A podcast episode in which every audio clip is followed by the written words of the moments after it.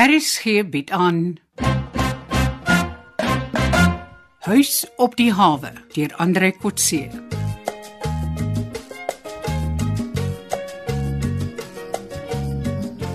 Jy weet Rina. Een van die dinge waarvan ek hou is dat jy nie draai op 'n ding nie. Al sê jy ook vir my nee, doen jy dit dan ten minste dadelik of baie gou. Waarna verwys jy nou? Ek kan nie onthou dat ek onlangs nee gesê het nie. Ek verwys na vanaand se ete. Ja. Toe ek jou bel, toe daar niks van 'n terugbellery of toestemming vrae nie. Jy sê sommer net dat dit reg. Jy besluit sommer om hiernatoe te loop ook. Wil jy mos naby? Daar is daar iets spesiaals daarin om saam met 'n metgesel by ete aan te kom. Ah, maar dis jou keuse. Weet jy ek kan nou onthou wanneer laas ek vir jou nee gesê het? Ja, nou herinner my. Laas het jy my 'n job aangebied en ek het dit geweier. Maar ek sê nog steeds nee en ek hoop nie ons gaan weer daaroor praat nie. Eh, Ek kan nie onthou wat se job dit was nie. Dan sal ek jou liewer nie herinner nie. Eh, Ek is nou nie skieurig. Want dis daai daai onmoontlike projek van jou om 'n perlemoenteelplaas te vestig. En ek is sommer die CEO ook. Maar ons praat nie weer daaroor nie. O ja. Maar daai projek is nog glad nie van die baan nie. Die ouens wat die kapitaal het, wil nie hoor daarvan dat dit gekanselleer word nie. Ek het geen rede om die projek as sodanig af te skiet nie. Ek het net afgelei uit dit wat jy in die vooruitsig gestel het dat dit 'n reuse langtermynprojek behels en dat dit 'n klomp kundigheid en ervaring vereis wat nie beskikbaar is nie. Jy moet nie jou eie ekspertise onderskat nie, Rina. Die Chinese is baie beïndruk met jou kwalifikasies en kundigheid. Op grond waarvan beoordeel hulle my kundigheid? Hulle kan 'n CV lees. Maar Hulle het foto's van jou gesien en ek het aanbevelings gemaak. ek het nog nooit in my lewe 'n CV opgestel nie. En ek weet nie van foto's wat hulle kon gesien het nie. En jou aanbevelings op hierdie terrein is met alle respek niks werd nie. Jy weet net nie hoe ver jy verkeerd kan wees nie. Jy moenie hierdie ouens geringskat nie. Van watter ouens praat jy, Boelie? Ek wou laas keer al een van hulle aan jou voorgestel het. Maar toe jy mos nog gesê ons moet eers mekaar leer ken. Ek het nooit gedink daai eerste date of hierdie een was veronderstel om 'n besigheidsete te wees nie. So jy dink daar is ander moontlikhede in ons verhouding. Nee. Nee, ek het geen romantiese intensies nie. Maar dit is lekker om deur 'n man soos jy genooi te word na 'n spoggerige ete soos hierdie. En ek moet sê ek's beïndruk deur die ondernemingsgees. Wat beteken dit? Jy sien kans vir baie dinge. Ek stel belang daarin. Maar jy sien nie kans om deel daarvan te word nie. Definitief nie in jou sakebelange nie. Ek's 'n student wat nog ten minste 2 jaar se studies moet afhandel. Ek kan geen pos in enige van die ondernemings beklee nie. Maar jy kan my raad gee of kommentaar lewer op my planne. Ja, vir wat dit werd is, ja. Maar omdat ek vir 11 maande in 'n jaar nie eens hier is nie, kan ek geen deurlopende bydrae lewer nie. Stel jy geensins belang in iets waarvoor jy vergoeding kan kry nie. Nee, klink na besigheid. Ek weet van iets waarvoor jy nou sonder enige verdere inspanning 'n groot bedrag kan verdien vir werk wat jy reeds gedoen het. Dit klink interessant. Wat is dit? Kom ons kyk eers gou hoe lyk ons voorgereg. Hier kom dit. Ah, Dan vertel ek jou.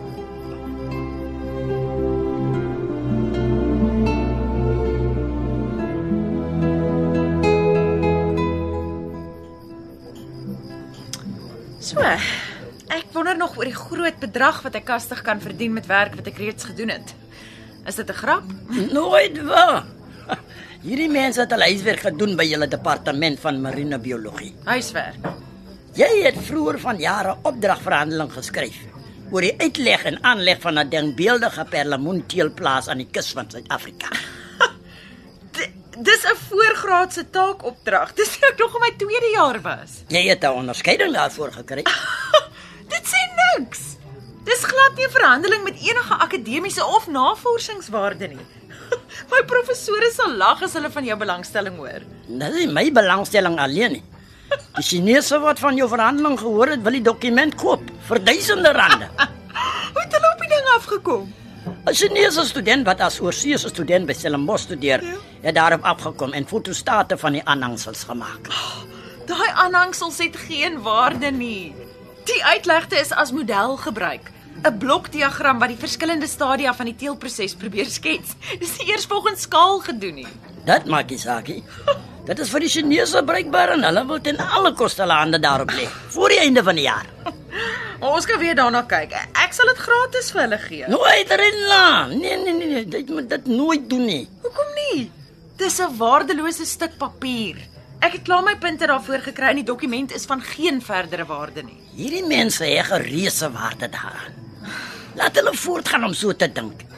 Ek sal seker maak dat jy die beste prys moontlik daarvoor kry. Nee, mm -mm, dis dis oneties. Ek weet dis 'n gemiddelde produk met geen wesenlike waarde nie. Mens verkoop nie 'n niks werd ding aan minderkundiges teen 'n prys bo kan sy gebruikswaarde. Kom nou Rina. As ons iets kan kry by stinkryk mense omdat hulle dom is, moet ons dit vat. Nee. Mm -mm. Enige iets wat 'n mens bekom deur iemand anders uit te byt, is net so goed soos gesteelde goedere. Ek weier om iets te verkoop wat met 'n valse skaal geweeg is.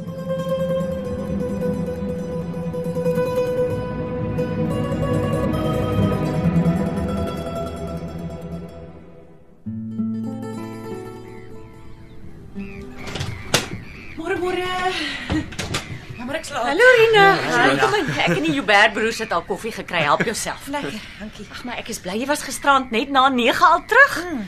Boelie kon jou nie te veel skade aangedoen het in ruil vir die ete nie. Of het jy weggeloop by die ete? Nee, nee, nee, nee. Ek dink nie Boelie het met sy ete bereik wat hy wou nie, maar ons is in vrede uitmekaar. Ek dink ons verstaan mekaar nou beter. Hy weet ek het dieselfde gevoel nadat ek met Boelie die deugde van die hommeltuig bespreek het.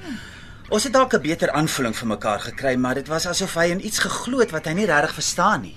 Ehm um, môre van my kant af ook. Ehm um, uh, dankie Tanya dat ons hier by die huis kan vergader. Nee, ek is bly. Dit voel vir my asof ons nou vir die eerste keer rigting kry. Mm. En ons stryd teen bose mense wat ek ook nie verstaan nie. Kom nou Tannie, dis nie so ingewikkeld nie. Ons moet net 'n plan maak om mense wat onwettige dinge doen voor die reg te daag. Ja, ja, ja, Rina is reg. Ongelukkig is ons omring deur oneerlike mense, ook binne die regstelsel, ja. en ons wil probeer om daardie mense te omseil. Ons wil met goeie bewyse na die hof toe gaan, maar ons wil nie die bewyse verloor deurdat ons verkeerde mense vra om te hanteer nie. Ag, Anton sê reguit. Ons wil mooi hawe se polisie omseil en direk na meer senior eerlike owerhede gaan met ons saak. Ja.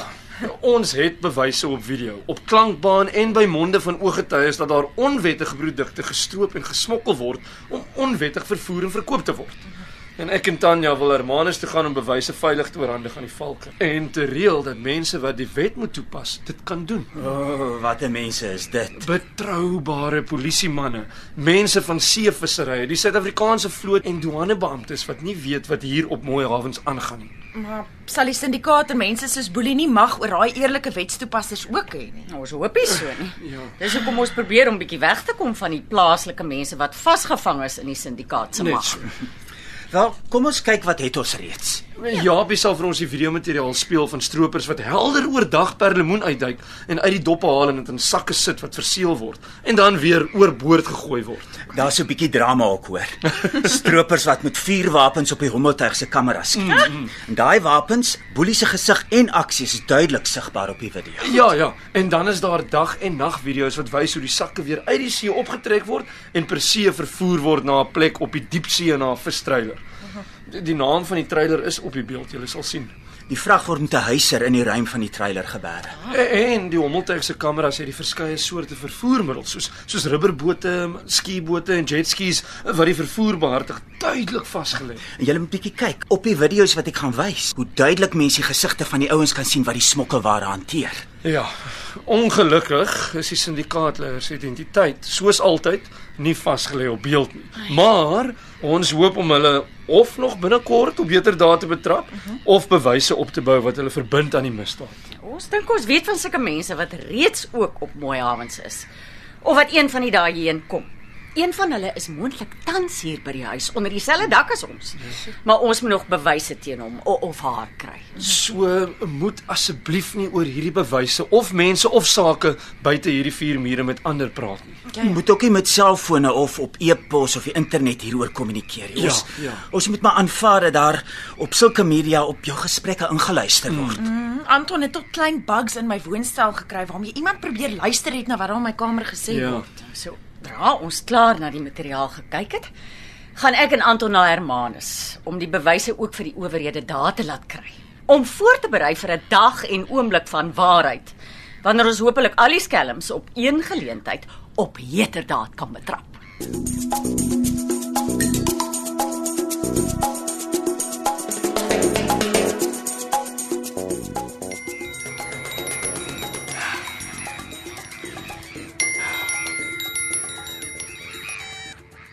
Hallo Boelie.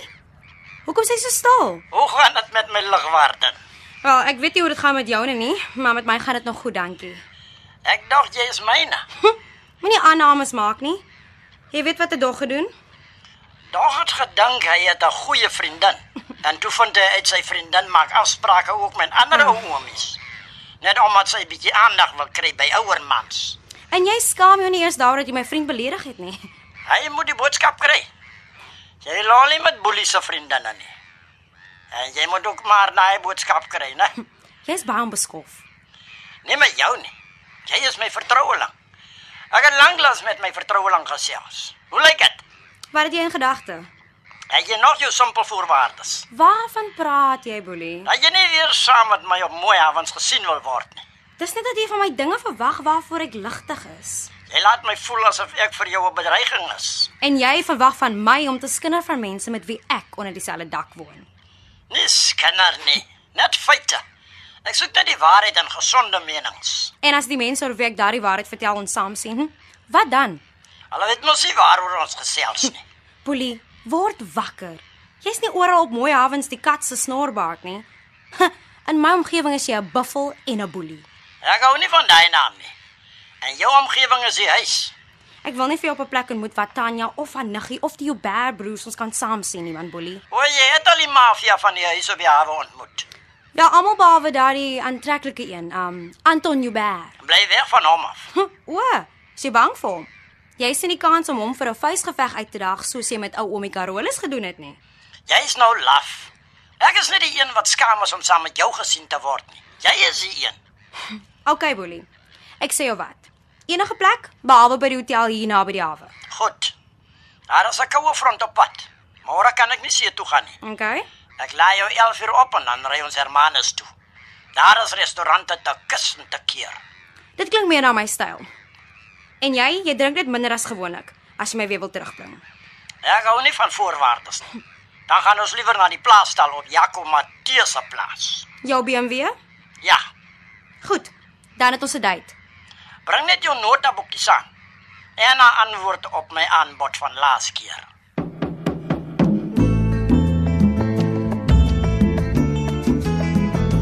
Uitgeluister na Huis op die hawe deur Andre Kotse. Die spelleiding is behartig deur Ronel Geldenhuys en die tegniese en akoestiese versorging is gedoen deur Cassie Lauers.